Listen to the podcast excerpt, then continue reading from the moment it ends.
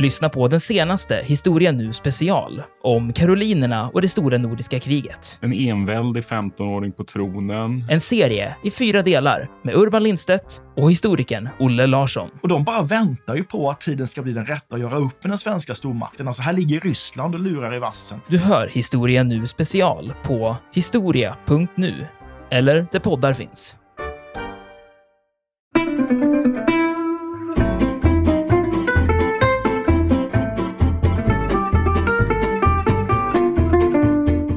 Det här är så utrikesminister Zimmermann som tänker högt i det här telegrammet. Han ansåg att det var stor risk för att tyska ubåtar skulle komma att spränga amerikanska skepp och det kunde ju i sin tur leda då till att USA gick in i kriget som Tysklands fiende. Därför borde man försöka övertala Mexiko att attackera USA söderifrån genom att då gå över Rio Grande, den här berömda gränsfloden. Om så skedde skulle tyskarna bistå både militärt och ekonomiskt och göra vad man kunde för att Mexiko skulle få tillbaka då Texas, Arizona och New Mexico.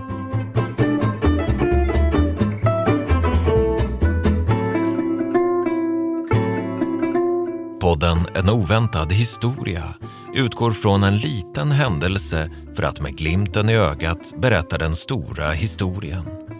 Programledare är historikerna Olle Larsson och Andreas Marklund.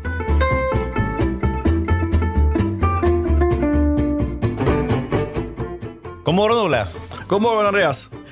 Har du hunnit se den här nya dokumentärserien Skuggkriget om eh, ryska underrättelseoperationer i Norden? Jag tror det är, det är något slags samarbete tror jag mellan, vad är det nu, finska YLE, SVT, norska NRK och danska DR, alltså de här public service-bolagen i Norden.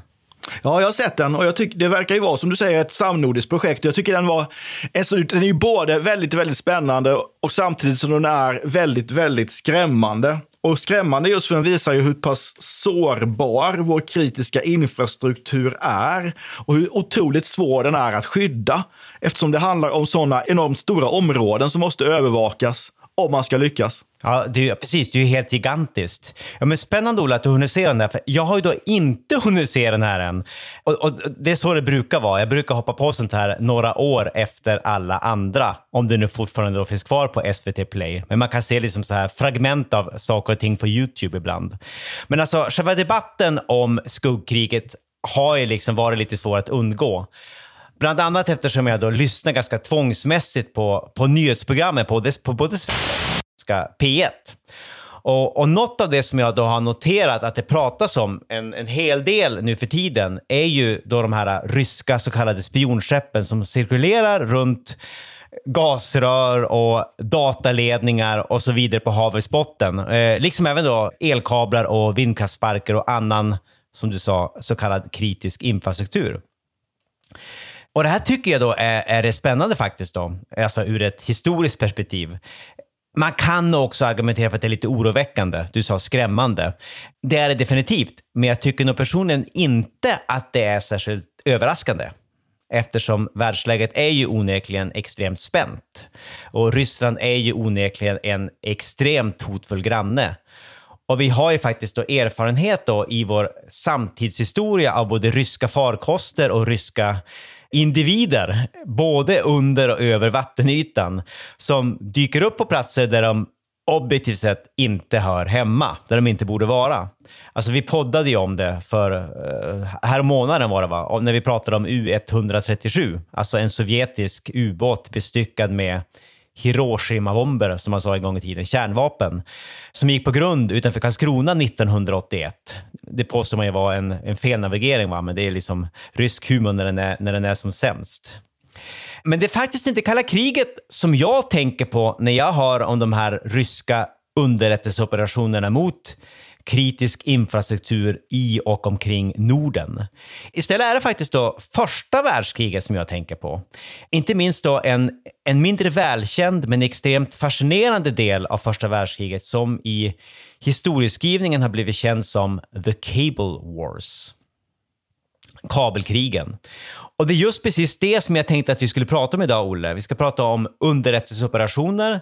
Vi ska prata om eh, sabotage. Vi ska prata om fördigitala cyberangrepp mot undervattenskablar och dylikt under första världskriget. Och vi ska ta utgångspunkt i en extremt spännande händelse som enligt många historiker fick avgörande betydelse för, för själva utfallet av första världskriget och därigenom då för de historiska utvecklingslinjerna under hela 1900-talet. Intet mindre.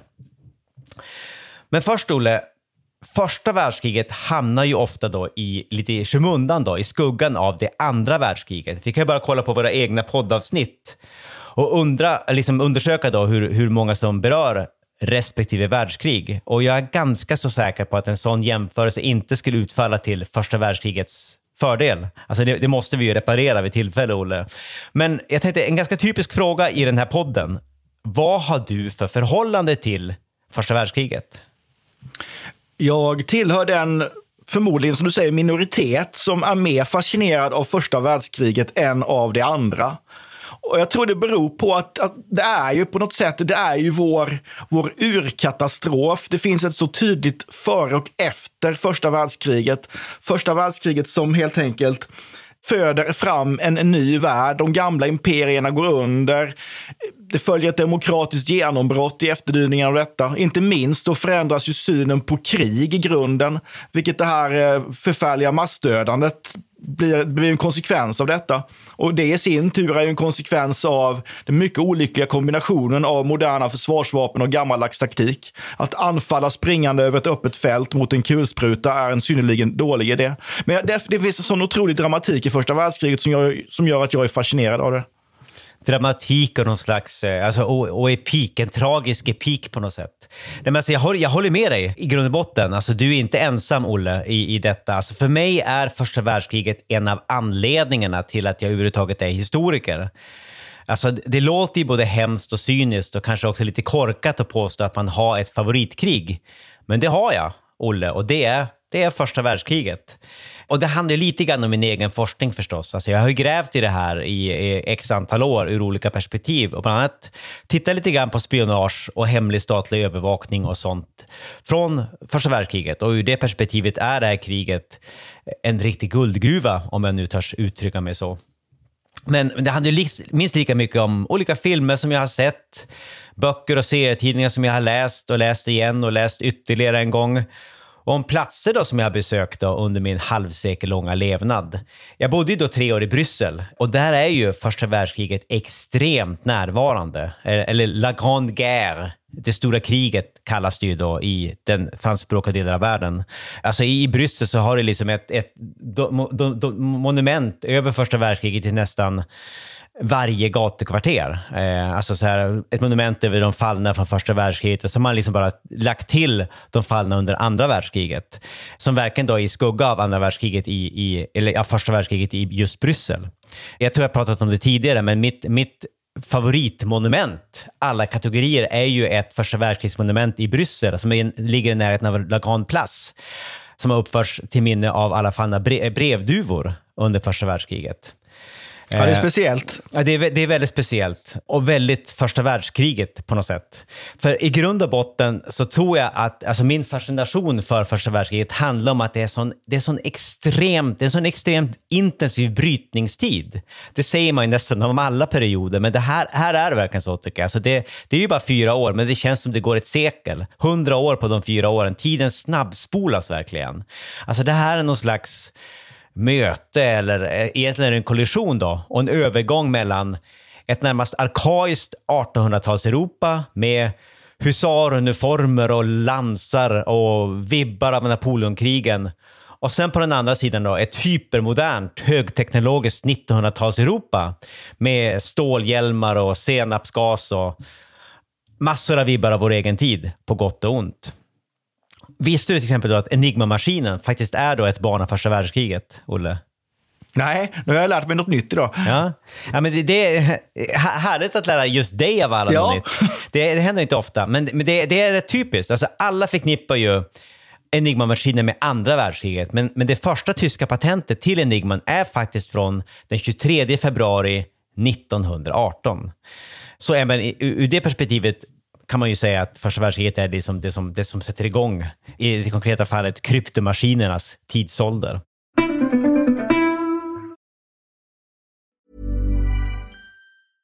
A lot can happen in three years, like a chatbot may be your new best friend. But what won't change? Needing health insurance. United Healthcare Tri Term Medical Plans, underwritten by Golden Rule Insurance Company, offer flexible, budget friendly coverage that lasts nearly three years in some states. Learn more at uh1.com. Quality sleep is essential. That's why the Sleep Number Smart Bed is designed for your ever evolving sleep needs. Need a bed that's firmer or softer on either side? Helps you sleep at a comfortable temperature? Sleep Number Smart Beds let you individualize your comfort so you sleep better together. JD Power ranks Sleep Number number 1 in customer satisfaction with mattresses purchased in-store. And now, save 50% on the Sleep Number limited edition Smart Bed for a limited time. For JD Power 2023 award information, visit jdpower.com/awards. Only at a Sleep Number store or sleepnumber.com. I'm Sandra, and I'm just the professional your small business was looking for. But you didn't hire me because you didn't use LinkedIn jobs. LinkedIn has professionals you can't find anywhere else, including those who aren't actively looking for a new job but might be open to the perfect role, like me. In a given month, over 70% of LinkedIn users don't visit other leading job sites. So if you're not looking on LinkedIn, you'll miss out on great candidates like Sandra. Start hiring professionals like a professional. Post your free job on linkedin.com/people today.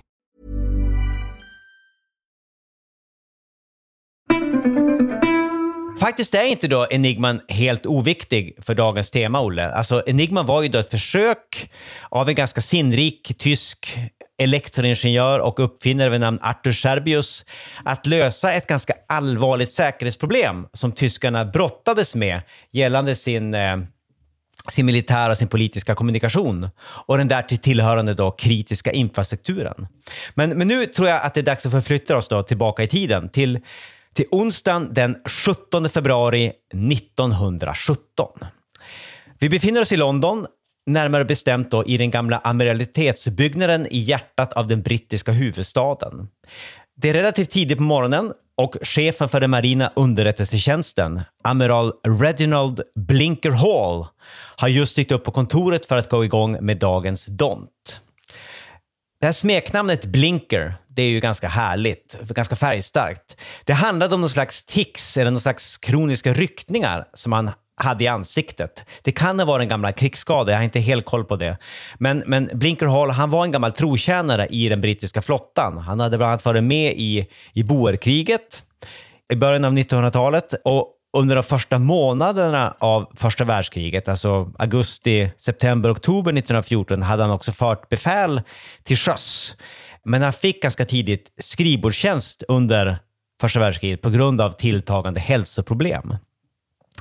Dock var det här onekligen en ganska prestigefylld skrivbordstjänst. Britterna satsade ju stenhårt på underrättelsetjänsten och sina många olika övervakningssystem under första världskriget. Och Blinker Hall, han var då bland annat med och organiserade det här otroligt omfattande brittiska postcensursystemet som etablerades successivt under hösten 1914 då i syfte att fånga in tyska spioner och påverkansagenter via deras brevväxling. Men den här Blinker Hall hade också då varit med om att bygga upp en underrättelseavdelning som var så otroligt hemlig och diskret att den blott och bart gick under namnet Room 40. För i rum, eller kontorsrum då, nummer 40 i den gamla amiralitetsbyggnaden så hade han samlat ihop ett gäng udda akademikertyper. Alltså de, de förföljer oss, gör de inte det Olle? De här udda akademikertyperna. Jo, Undrar om det är vi... Soldaterna i skid. Ja, faktiskt. Undrar, jag precis, undrar om det bara vi som har en tendens att hitta dem. eh, de finns överallt i alla fall. De fanns här också i rum nummer 40. De hjälpte, hjälpte då den brittiska underrättelsetjänsten med att knäcka tyska brev och telegramkoder då för att hitta de här spionerna. Och här fanns ett, ett antal matematiker de är ju där ibland. Men här var det faktiskt då under första världskriget, bland de här äh, akademiska krumelurerna var det humanisterna och teologerna som var i, i, i, majoritet. Det var en massa historiker, en massa kyrkohistoriker, bibelexegeter, klassiska filolo filologer och olika typer av språkvetare, alltså lingvister. Plus att jag, jag även sett att det var ett, ett, ett helt gäng egyptologer, alltså papyrologer och experter på hieroglyfer och annat, annat romantiskt. För det här var nämligen då, det här var före kodmaskinernas genombrott. Och koderna, precis som själva kodknäckningen under den här fördigitala tiden, handlade lika mycket om ord och språkliga finurligheter och märkliga, eh, vad ska man säga då, eh, ordbaserade symboler. Det handlar lika mycket om det som om siffror och matematisk logik. Så Room 40 var ju definitivt en föregångare till Bletchley Park och kan jämföras med lite grann med det här Karlaplan 4 i Sverige under, under andra världskriget. Men alltså då manskapet, som faktiskt även omfattade flera kvinnor, var lite mer som du och jag, Olle, än, än som Arne Björling och Alan Turing och de här siffergudarna vi har pratat om i andra avsnitt. Det här var liksom, det här var his, historisk, det var mer historienördar och språknördar. I alla fall, den här morgonen, då Blinkerhall alltså dyker upp på jobbet den 17 februari 1917, så har det hänt något hos Room 40 under natten, under nattpasset. Det är liksom en, en upphetsad, nästan lite elektrisk känsla i luften, som jag har förstått saken. En känsla av att väldigt stora saker var i görningen. I sina memoarer skriver Blinker Hall att han just precis hade börjat gå igenom den enorma pappershög som i vanlig ordning låg och väntade på hans skrivbord och väntade på hans, hans underskrift. Då en en av kodknäckarna från Room 40 plötsligt stormade in i rummet med något vilt i blicken. Det var en ung språkvetare vid namn Nigel de Grey som var expert på tyska och germansk kultur och germansk mentalitet i största allmänhet. Och den här Nigel de Grey springer in, vild blick, viftar med någon slags papperslapp som han håller i ena handen och frågar då väldigt snabbt och väldigt, väldigt, retor väldigt retoriskt. Chefen, chefen! Skulle du vilja få med USA i kriget? Och då svarar då eh, Blinker Hall, enligt egen utsago, uh, “But of course, my good lad. Uh, why?” uh, Varför min gosse? Men naturligtvis. Då slänger The Grey fram den här papperslappen och flåsar något i stil med “Alltså jag har en grej här som... Det, det, är, det är, helt sensationellt. Det, det, är ett meddelande. Och det, och det kommer att bli, det, kommer att bli det, det som avgör saken om vi använder det här på rätt sätt.” Så Olle, för att förstå hur avgörande det här meddelandet var och hur avgörande det här specifika ögonblicket var ur ett världshistoriskt perspektiv så är det då vissa grundläggande sakförhållanden som måste läggas på plats för våra lyssnare. Och här tänker jag mig att du är, jag höll på att säga the man of the hour. Du är vår man på den uppgiften. Först och främst, Olle, skulle du kunna ge en, en kort men effektiv lägesbeskrivning av första världskriget då anno 1917. Alltså vilka var huvudkombatanterna och de huvudsakliga krigsskådeplatserna? Ja, Första världskriget bryter ut som ett resultat av en eh, lång rad på varandra följande krigsförklaringar sommaren 1914, så kallade svarta veckan, månadsskiftet juli-augusti. Och eh, det blir ett fullskaligt krig som utkämpas mellan två två allianser kan vi säga. Den ena kallar vi för trippelantanten. Här har vi framförallt Storbritannien, Frankrike och Ryssland som slåss mot eh, trippelalliansen som sen blir centralmakterna. Där som leds av Tyskland och Österrike så har de här en massa allierade också, men, men det kan vi lämna därhän. här. Och det här är ju ett krig som eh, man har ju sett framför sig någon slags eh, snabbt kvickt avklarat 1800-talskrig, men så blir det ju inte. Utan det här blir ju ett krig som kommer att pågå i många, många år. Det här är också ett totalt krig som tär på hela samhällets resurser. Och när vi kommer in nu 1917 så har ju kriget pågått i tre år. Krigströttheten är ganska så utbredd i de krigförande länderna. Kriget står ganska stilla, framförallt på västfronten. Det skulle ha blivit en snabb tysk offensiv mot Paris, men den stannar ju med ett gnissel vid floden Marne. Och det här rörliga kriget övergår då i ett stillastående skyttegravskrig. Och det är den bild som vi framförallt har av första världskriget med leriga skyttegravar med ett sönderskjutet ingenmansland emellan. Och det är det också vi känner från populärkulturen och böcker och filmer som På västfronten inte nytt, nytt av Erich Maria Remarque. På östfronten är ju kriget lite mer rörligt, men Problemet är att det blir inte något riktigt stort avgörande. 1917 så har, eller förlåt, 1916 så har vi några riktigt otäcka, blodiga slag. Några av de blodigaste i världshistorien faktiskt. Slaget vid Slom, slaget vid Verdun, det stora sjöslaget vid Skagerrak. Många människor dör, men det blir aldrig något, något riktigt avgörande. Så att Kriget står här, det går inte riktigt bra för någon sida egentligen och det är liksom läget då i början av eh, 1900 17, skulle man ja, kunna precis. säga. Precis, alltså de är, de är helt förskräckliga. De är helt sinnessjuka kan man väl säga, de där slagen där 1916. Alltså som där. Det dog det då 57 000 bir- brittiska soldater på en och samma dag. Ja, alltså, jag tror att 20 000 dog första timmen. Ja, det, det är helt otroligt. besinningslösa massanfall och mot, mot kulsprutor. Ja, precis. Men det är inte. Det är till och med det kavalleri som skickas mot kulsprutenästen, Ja. alltså under första dagen. Och ja, men det, det är helt otroligt. Det var väl 600 000 brittiska soldater dog vi som, 500 000 tyskar. Och vid Verdun var det väl omkring en halv miljon på bägge sidor. Ja, det är Och vi- ungefär samma siffror där. Ja. Precis. Och som det var väl liksom, det var ju tanken att man skulle liksom bryta igenom de tyska linjerna och få till stånd ett avgörande. Medan vid Verdun, det är så himla cyniskt. Det var ju masslakten en del av själva strategin. Det var ju sån här meat grinder, va? Man skulle nöta ut, tyskarna skulle nöta ut det franska försvaret. Ja, jag tror från Falkenhayn, eh, den tyska officeren, sa det att syftet med det här det är att vi ska få fransmännen att förblöda. Ja, precis. Så det skulle vara en, en köttkvarn. Ja, en köttkvarn. enkelt. Usch, ja, men i alla fall, Olle. Vi har fått koll på den militärstrategiska situationen i början av detta synnerligen bistra krigsår. Hur var det då med kablarna? Alltså på vilket sätt kommer det här med Cable Wars in i bilden när vi talar om SOM och Verdun och Antanten och centralmakterna? Vad, har vad kablar med allt det här att göra? Det är ju en oerhört intressant del av första världskriget som man ofta glömmer bort. Man tänker just på Somme Verdun och man har sett de här svartvita filmerna och leran som stänker i, i artillerikrevaderna. Men faktum är att de första krigshandlingarna som Storbritannien utför under kriget, det är ju natten mellan den 4 och 5 augusti. Precis i samband med att den här tidsfristen som man gett Tyskland håller på att löpa ut.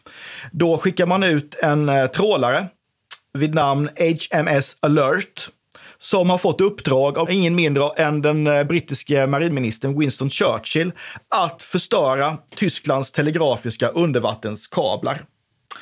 Och det gör man ju också. Man går ut från hemmahamnen i Dover, ut på Engelska kanalen och strimlar sönder de här kablarna. Det är fem specifika kablar det handlar om. Och det här går ju ganska geschwint och man är ju färdig här fram på morgonkvisten. Och då vaknar ju Tyskland till att upptäcka att oj, vi är helt isolerade från omvärlden. Våra kommunikationer har skurits av. Vi är helt och hållet beroende av, av landförbindelser i fortsättningen. Just det. Jag kommer att tänka på HMS Alert. Det var ju någon slags, det är ju en trålare, det är ju en fiskeskuta som används då militärt.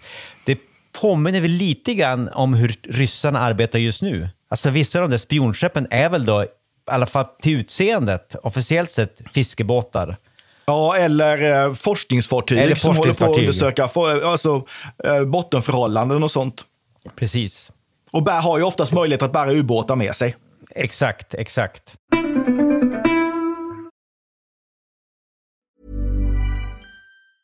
Hey, I'm Ryan Reynolds. Recently, I asked Mint Mobile's legal team if big wireless companies are allowed to raise prices due to inflation. They said yes. And then when I asked if raising prices technically violates those onerous two year contracts, they said, What the f are you talking about, you insane Hollywood ass? F- So to recap, we're cutting the price of Mint Unlimited from $30 a month to just $15 a month. Give it a try at mintmobile.com slash switch. $45 upfront for three months plus taxes and fees. Promo rate for new customers for limited time. Unlimited more than 40 gigabytes per month. Slows. Full terms at mintmobile.com.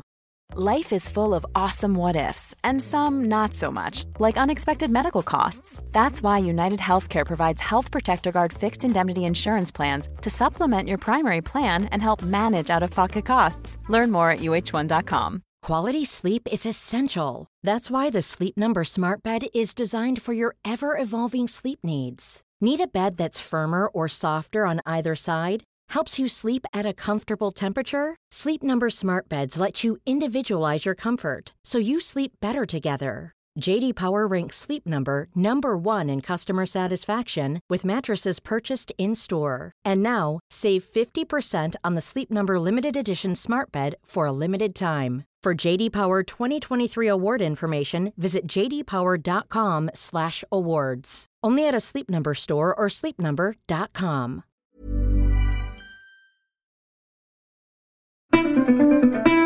Tyskarna är då isolerat från all kommunikation med omvärlden, i alla fall då via direkta egna kabelförbindelser. Men sen försöker tyskarna göra något liknande. De försöker svara igen. Alltså de genomför ju egna attacker då mot britternas telegrafkablar, bland annat genom en räd emot en, en ganska viktig telegrafstation på en ö i Stilla havet som då heter Fanning Island. Nu heter den eh, Tauberayan eller något sånt. Jag vet inte exakt hur man uttalar det. Och det här var alltså mitt ute i Stilla havet, men det här var alltså en väldigt viktig knutpunkt för de globala brittiska kommunikationssystemen. Så tyskarna då skickade man i land ett gäng beväpnade sjömän som tog de här telegrafisterna till fånga samtidigt som de gick lös på all teknisk utrustning och kablar och apparater och så vidare med, med brandyxor. Eh, och det finns flera sådana där exempel, alltså från olika öar runt omkring i, i, i eh, alltså både Atlanten och Stilla havet, där tyskarna försökte förstöra det brittiska, världsomspännande brittiska telegrafnätet. Men det var faktiskt då det brittiska systemet som var det största. Det var också det var tillräckligt avancerat för att överleva alla de här tyska attackerna. Så det fanns extra kablar och det fanns relästationer och sådana där grejer som gjorde att man kunde komma runt alla skador som tyskarna orsakade. Dessutom hade britterna då generellt sett en bättre säkerhet än tyskarna kring sina kablar och telegrafstationer och andra kritiska delar. Men alltså, tyskarna var då nu helt beroende då av indirekta landförbindelser och olika typer av specialavtal med neutrala stater då för att kunna kommunicera med omvärlden. Och det var då neutrala stater som Nederländerna, USA och förstås de skandinaviska länderna, Danmark, Sverige, Norge. Och det är nu vi börjar närma oss pudelns kärna, Olle. Alltså nu, kommer vi, nu börjar vi närma oss det här äh, sensationella meddelandet som den här tyska språkvetaren, eller äh, engelska språkvetaren med tyska som expertis, Nigel de Grey, kom instormande med då på chefens kontor hos amiralitetet i London. Bland annat så utvecklades då ett särskilt arrangemang mellan det kejserliga tyska utrikesdepartementet och svenska UD. Har du koll på det, Olle? Ja, det tycker jag. Det är, det är väldigt fyndigt att man har då en hemlig överenskommelse som i princip går ut på att kodade tyska meddelanden bäddas in i svensk diplomatpost, eh, som diplomattelegram. ja. eh, och sen då skickas de här vidare till USA eller Storbritannien eller någon annan viktig del av världen. Och där då hämtas den här upp av någon tysk diplomat och den, den här är ju gömd och skriven på ett språk eller med koder som svenskarna inte riktigt begriper. Och samma arrangemang har man ju då med, med, eh, med eh, USA. Och eh, det här är ju till och med sanktionerat av presidenten Woodrow Wilson som säger att det, vi, vi gör så här. Man, man, kan ju alltid fundera vad hans agenda var, men det är väl inte helt omöjligt att han såg det här som ja, att det skulle underlätta hans, hans projekt i alla fall att kunna i en framtid fungera som en fredsmäklare i Europa när den dagen kommer. Och USA är ju som sagt var neutralt i kriget. Det är viktigt att komma ihåg att fram till 1917 så är USA inte inblandat Nej, precis. Eh, i krigshandlingarna. Nej, precis. Ja, men det är jätteviktigt att komma ihåg det. Alltså, jag, jag tror att en av, en av orsakerna till det här, att, alltså det är jättemärkligt att Woodrow Wilson går med på det här, men jag tror att han, som du, som du själv nämnde, han ser det här som en möjlighet för honom att liksom bidra till att ja, mäkla fred i Europa helt enkelt. Men sen är det väl inte oviktigt att, att, att, att, det här med att han hade ju också en icke helt obefintlig tyskättad väljarbas i USA. Alltså på vissa områden var han nog ganska, vad ska man säga, tyskvänlig av rent eh, politiska skäl, Amerika, på grund av amerikansk inrikespolitik, så här röstmatematik och sådana saker. Så eh, det fanns det, flera orsaker som, som, ledde, som, ledde, som ledde fram till det här. Men jag tror att det där med just det där att han såg det här som ett sätt den öppna kommunikationslinjen som ett sätt för honom att bidra till eh, en, en fredligare värld. Lite naivt kan tyckas, men det tror jag var hans eh, initiala idé. Men alltså, Innan vi kommer fram till det här sensationella meddelandet, själva innehållet i det, så måste vi nog klargöra att britterna, de var naturligtvis medvetna om att tyskarna hade de här specialavtalen. De hade till och med ett särskilt namn då för, för det svensk-tyska telegrafsamarbetet. De kallade det för the Swedish roundabout. Det är jättefint. ja, den svenska rondellen ja. eller något ja. sånt där. Men istället för att protestera då eller stoppa de här kommunikationsströmmarna så använder man det här då som informationskälla. Alltså man Alltså Storbritannien ägde ju över 60 procent av världens telegrafkablar och de övervakade allt som passerade genom de brittiska telegrafnätverken, inklusive svensk och amerikansk diplomattrafik med inbäddade tyska meddelanden och allt. Och det var ju då just precis ett sånt meddelande, ett inbäddat tyskt meddelande i ett amerikanskt diplomattelegram som Nigel de Grey och hans kollegor då i Room 40 lyckades frigöra under nattskiftet mellan den 16 och 17 januari 1917. Alltså det här meddelandet har, har då blivit känt för eftervärlden som Zimmerman-telegrammet eller The Zimmerman Telegram. För det är då klart mer välkänt i brittisk-amerikansk historieskrivning än i svensk. Och innehållet var ju alltså, det är rena rama dynamiten, törs man nog säga utan överdrift. Det var ett krypterat telegram och avsändare var ingen mindre än Tysklands utrikesminister Arthur Zimmermann. Det var adresserat till den tyska ambassaden i Washington DC, alltså USA, men egentligen var slutdestinationen den tyska ambassaden i Mexiko. Fast där hade man då inte tillgång till den toppmoderna kodbok som tyskarna använde för sin transatlantiska kommunikation. För det här var då en högprioriterad förbindelse, så tyskarna hade utvecklat en särskilt avancerad diplomatkod kallad 0075 man hade över då 10 000 olika nyckelord och fraser som då var utbytta mot slumpmässiga sifferkombinationer mellan fyra nollor och fyra nior. Men den här superavancerade kodboken hade man då ännu inte lyckats transportera till Mexiko rent fysiskt. Det gjorde man normalt med, med ubåt och de ubåtarna hade inte kommit dit än. Så planen var då att Zimmermans telegram först skulle avkodas då i Washington och därefter krypteras en gång till men i en lite äldre diplomatkod som även då ambassadpersonalen i Mexico City hade tillgång till. Det är ju onekligen ett ganska besvärligt arrangemang, men vad gör man inte för att maximera säkerheten i krig? Och som sagt, det fanns anledningen att skydda det här telegrammet för att innehållet var verkligen sprängfarligt. Och nu läser jag rakt av från inledningen. Första raden, den är rätt stark. Jag översätter så här simultant. Vi har för avsikt att från och med den 1 februari inleda oinskränkt ubåtskrig. Och så fortsätter det, rad två, på lömskaste vis. Trots detta är vår överordnade målsättning att hålla USA neutralt i kriget. Slutcitat.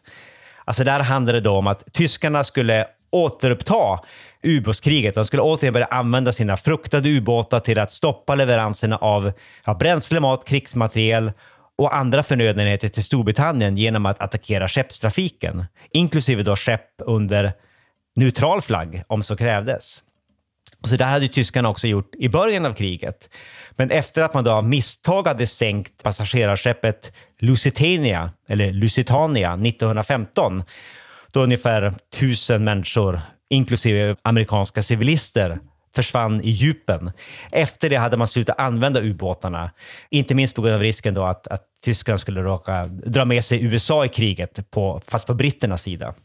Och det som är lite nytt här, är ju också att det här oinskränkta ubåtskriget handlar ju också om att man ska sänka de här neutrala fartygen utan föregående varning. Man ska inte ens ge en signal att sätter i livbåtarna för nu smäller utan det ska bara Ja, torpederna ska bara gå iväg. Puff, så går torpederna iväg. Ja. Alltså det går in i en ny, mer aggressiv fas så att säga.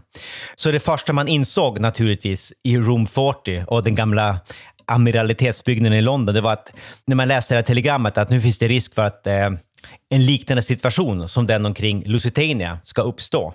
Det finns en risk för att det ska uppstå en situation, eller möjlighet för att det ska uppstå en situation där USA dras med i kriget. Men lömskheterna slutar inte här, Olle. Det blir faktiskt ännu värre. Och nu refererar jag bara eh, innehållet här. Det här är så utrikesminister Zimmermann som tänker högt i det här telegrammet. Han ansåg att det var stor risk för att tyska ubåtar skulle komma att spränga amerikanska skepp. Och det kunde ju i sin tur leda då till att USA gick in i kriget som Tysklands fiende. Därför borde man försöka övertala Mexiko att attackera USA söderifrån genom att då gå över Rio Grande, den här berömda gränsfloden. Om så skedde skulle tyskarna bistå både militärt och ekonomiskt och göra vad man kunde för att Mexiko skulle få tillbaka då Texas, Arizona och New Mexico, alltså territorier då som hade erövrats av USA under 1800-talet från Mexiko. Och kom ihåg, det här var ju undertecknat av en företrädare för den tyska regeringen. Så det här var allvar, alltså blodigt allvar om än något osannolikt kan man tycka så här i efterhand. Alltså vi snackar om en antiamerikansk militärallians mellan Tyskland och Mexiko. Och intressant nog ansåg då även den tyska utrikesministern enligt det här telegrammet att även Japan borde ingå i det här. Här bör vi kanske nämna att Japan hade gått med i kriget då på, på Antantens, alltså då Englands och Frankrikes och Rysslands sida. Bland annat för att man ville överta gamla tyska kolonier i Sydostasien. Men Mexiko hade uppenbarligen väldigt goda relationer med Japan. Så enligt Zimmerman så skulle tyskarna använda mexikanerna till att få Japan att byta sida och istället då börja kämpa för Tyskland och centralmakterna. Så Olle, nu närmar vi oss slutet på den här dramatiska historien, men vi har fortfarande inte lyckats förklara varför det här var så attans viktigt för händelseutvecklingen under kriget. Så Olle, skulle du kunna göra mig den stora äran och liksom summera upp vad som hände efteråt? Alltså hur använde britterna det här telegrammet? Man kunde väl inte bara knacka på på dörren till det ovala kontoret och förklara för presidenten att man hade liksom övervakat amerikansk diplomatkommunikation. Hur gick man tillväga? Ja, det här måste man sköta med finess. Det här är känsliga saker. Så vad man gör helt enkelt, man, man, man läcker den här informationen lite försiktigt till den amerikanska presidentadministrationen. Och man berättar ju inte hur man har kommit över den här informationen heller. Utan man drar ju på där med lite lite vita lögner om att det är agenter som han har tagit på bar gärning med det här materialet eller ja, kurirväskor som har kommit bort som man har fått tag på och sådär.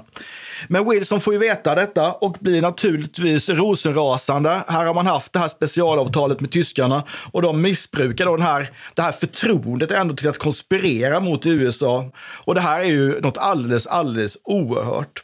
Så Wilson vill ju naturligtvis använda sig av detta. Det är väl förmodligen så att han ändå har en önskan om att eh, USA ska gå in i kriget. Så han läcker det här, så det här blir ju en eh, första sides nyhet i nyheterna och eh, ja, det här är ju någonting som blir en stor, en stor snackis helt enkelt. Vad är det tyskarna eh, håller på med? Och den används ju också i den här debatten mellan det som vi kallar för interventionister, de som vill gå med i första världskriget, och isolationister, de som vill att, vill att USA ska, ska fortsätta se, att hålla sig borta från Europas angelägenheter.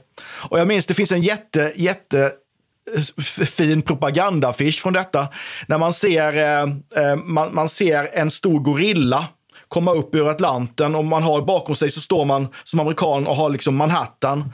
Och den här gorillan har en tysk eh, pickelhuva på sig och en kvinna i handen som det står Europa på. Och så står det texten “Destroy this Mad Brute. Just och för att man ska förstå att det här är Tyskland så har den också ett sånt här eh, ett, ett, eh, ett ordensband där det står Der Kaiser. Ja, just det, så man inte ska missförstå. Ja, men ja, budskapet ja, är ju tydligt. Titta här, tyskarna är ett hot även för oss. Vi måste göra They någonting. They are mad, mad brutes, all of them. Precis. Ja, exakt. Jag, jag, jag kommer ihåg den där. Han är, den är väldigt King Kong-liknande. Den, den är där, väldigt lik King Kong. Det är en riktig monsterapa. Ja. Eh, jo, men alltså många historiker räknar ju då faktiskt, som, som, du själv nämnde, du var inne på det här med debatterna där mellan interventionister och isolationister. Alltså många historiker menar då att Zimmerman-telegrammet var en av anledningarna till att USA faktiskt lämnade då den här isolationistiska kursen. Och inte minst att, att Woodrow Wilson, eh, som ju inte alls var någon hök på något sätt, att han till slut lyckades då övertalas att eh, ja, gå med, föra USA in i kriget på, på Storbritanniens sida. Och det fanns naturligtvis olika skäl till det, olika orsaker. En av dem var det här ubåtskriget och attackerna mot amerikansk sjöfart. En annan var då president Wilsons politiska idealism som vi har varit lite inne på tidigare. Alltså för honom blev det allt tydligare under kriget att det här handlade om någon slags alltså ödeskamp för att säkra demokratins överlevnad. Att göra världen till, vad var, vad, han säger något med, till en säker plats för demokratin. A safe place for democracy.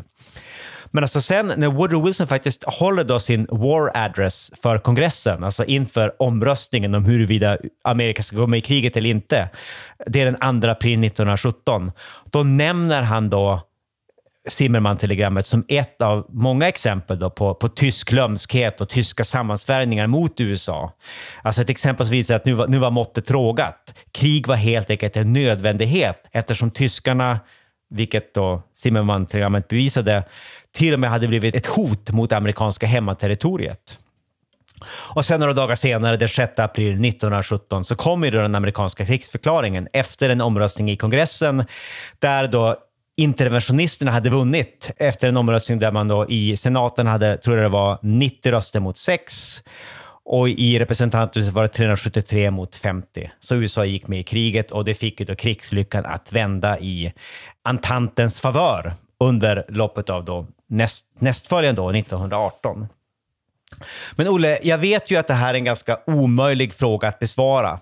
Men det är ju frestande att ställa kontrafaktiska frågor till dig eftersom du är så kunnig och spekulationslysten. Så håll i dig nu, det är väldigt många om i den här frågan. Men tänk om britterna inte hade uppsnappat det här telegrammet och tänk om det hade gjort att interventionisterna i USA då inte lyckades övertala president Wilson om krigets nödvändighet. Hur tror du i sådana fall att första världskriget hade slutat? Alltså om USA inte hade gått med i, i, i kriget på Antantens sida under våren 1917? Jag tror absolut att kriget kunde ha slutat annorlunda. Jag tror att USAs inträde i kriget var krigsavgörande till Antantens fördel. Och jag tänker så här, kriget har stått stilla ganska länge. På hösten 1917 så inträffar en revolution i Ryssland. Lenin har då lovat att när vi har tagit makten i Ryssland så ska jag ta Ryssland ur kriget. Vilket han också gör våren 1918 genom att sluta den här separatfreden med Tyskland i Brest-Litovsk. Och det här är ju en allvarlig försvagning av trippelantanten, men som kompenseras mer än väl av USAs inträde i kriget. För USA har ekonomiska och militära muskler. Militära muskler både personellt och materiellt. Så jag tror att det här är krigsavgörande. Annars hade det där kunnat sluta annorlunda. Kanske med en tysk seger. Eller en separatfred med England. Just det, just det. Men hade det nödvändigtvis varit jättedåligt om man betraktar det här ur ett eh, lite större tidsperspektiv? Alltså om, det inte, om, om första världskriget hade slutat på så sätt, med, med någon form av tysk seger eller någon slags jag vet inte, förhandlingsfred mellan Tyskland och Storbritannien, så kanske det inte hade blivit någon, någon Hitler och kanske inte något andra världskrig. Nej, men det är ju alldeles uppenbart att nazismen får, alltså den föds ju delvis och får luft under vingarna tack vare det här kryss, det tyska krigsnederlaget. Och det blir en viktig, eh, hämnden för Versailles blir ju också en riktig propagandafigur. Ja, Dolkstötslegenden, ja. ja. Det är inte säkert att Mussolini hade kommit till makten i Italien heller. Nej, just det. Just det. Ja, men du, det är väldigt eh, stora frågor som växer känner jag och eh, det hinner vi absolut inte avsluta på något vettigt sätt idag så det får vi återkomma till i ett senare avsnitt. Men tack så väldigt mycket Olle. Eh, tack själv. För, för, för djupa insikter i, i kablar, första världskrig och kritisk infrastruktur och så vidare. Tack själv. Vi ses. Hej då. Mycket trevligt. Hej då. Hej, hej. hej, hej. hej. Vi tackar programledarna Olle Larsson och Andreas Marklund. Kontakta gärna Olle och Andreas på ovantad historia.nu. Vi läser allt, men hinner kanske inte alltid svara.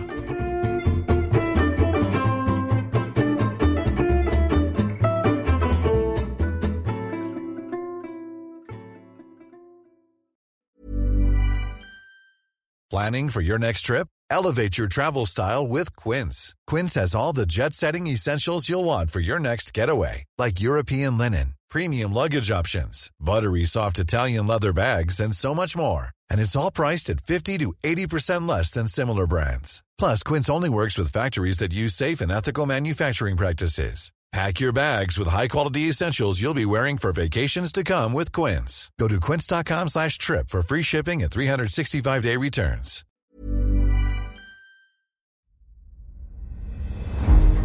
Jacob de la Gardie är den enda svenska fältherre som lett en armé till Moskva och trätt fram inför tsaren. Bedriften gjorde honom till en av 1600-talets största befälhavare. Moskvas erövrare är den första biografin över Jakob de la Gardie, en av stormaktstidens portalfigurer. Historikern Peter Ullgren följer hans stormiga bana från den föräldralösa barndomen vid 1500-talets slut till maktens topp och den mullrande statsbegravningen i Stockholm 1652. Moskvas erövrare är utgiven av förlaget Historiska Media. Ljudboken finns tillgänglig hos streamingtjänster som Bookbeat, Storytel och Nextory. Beställ den fysiska boken på förlagets hemsida historiskamedia.se eller köp den i en bokhandel nära dig.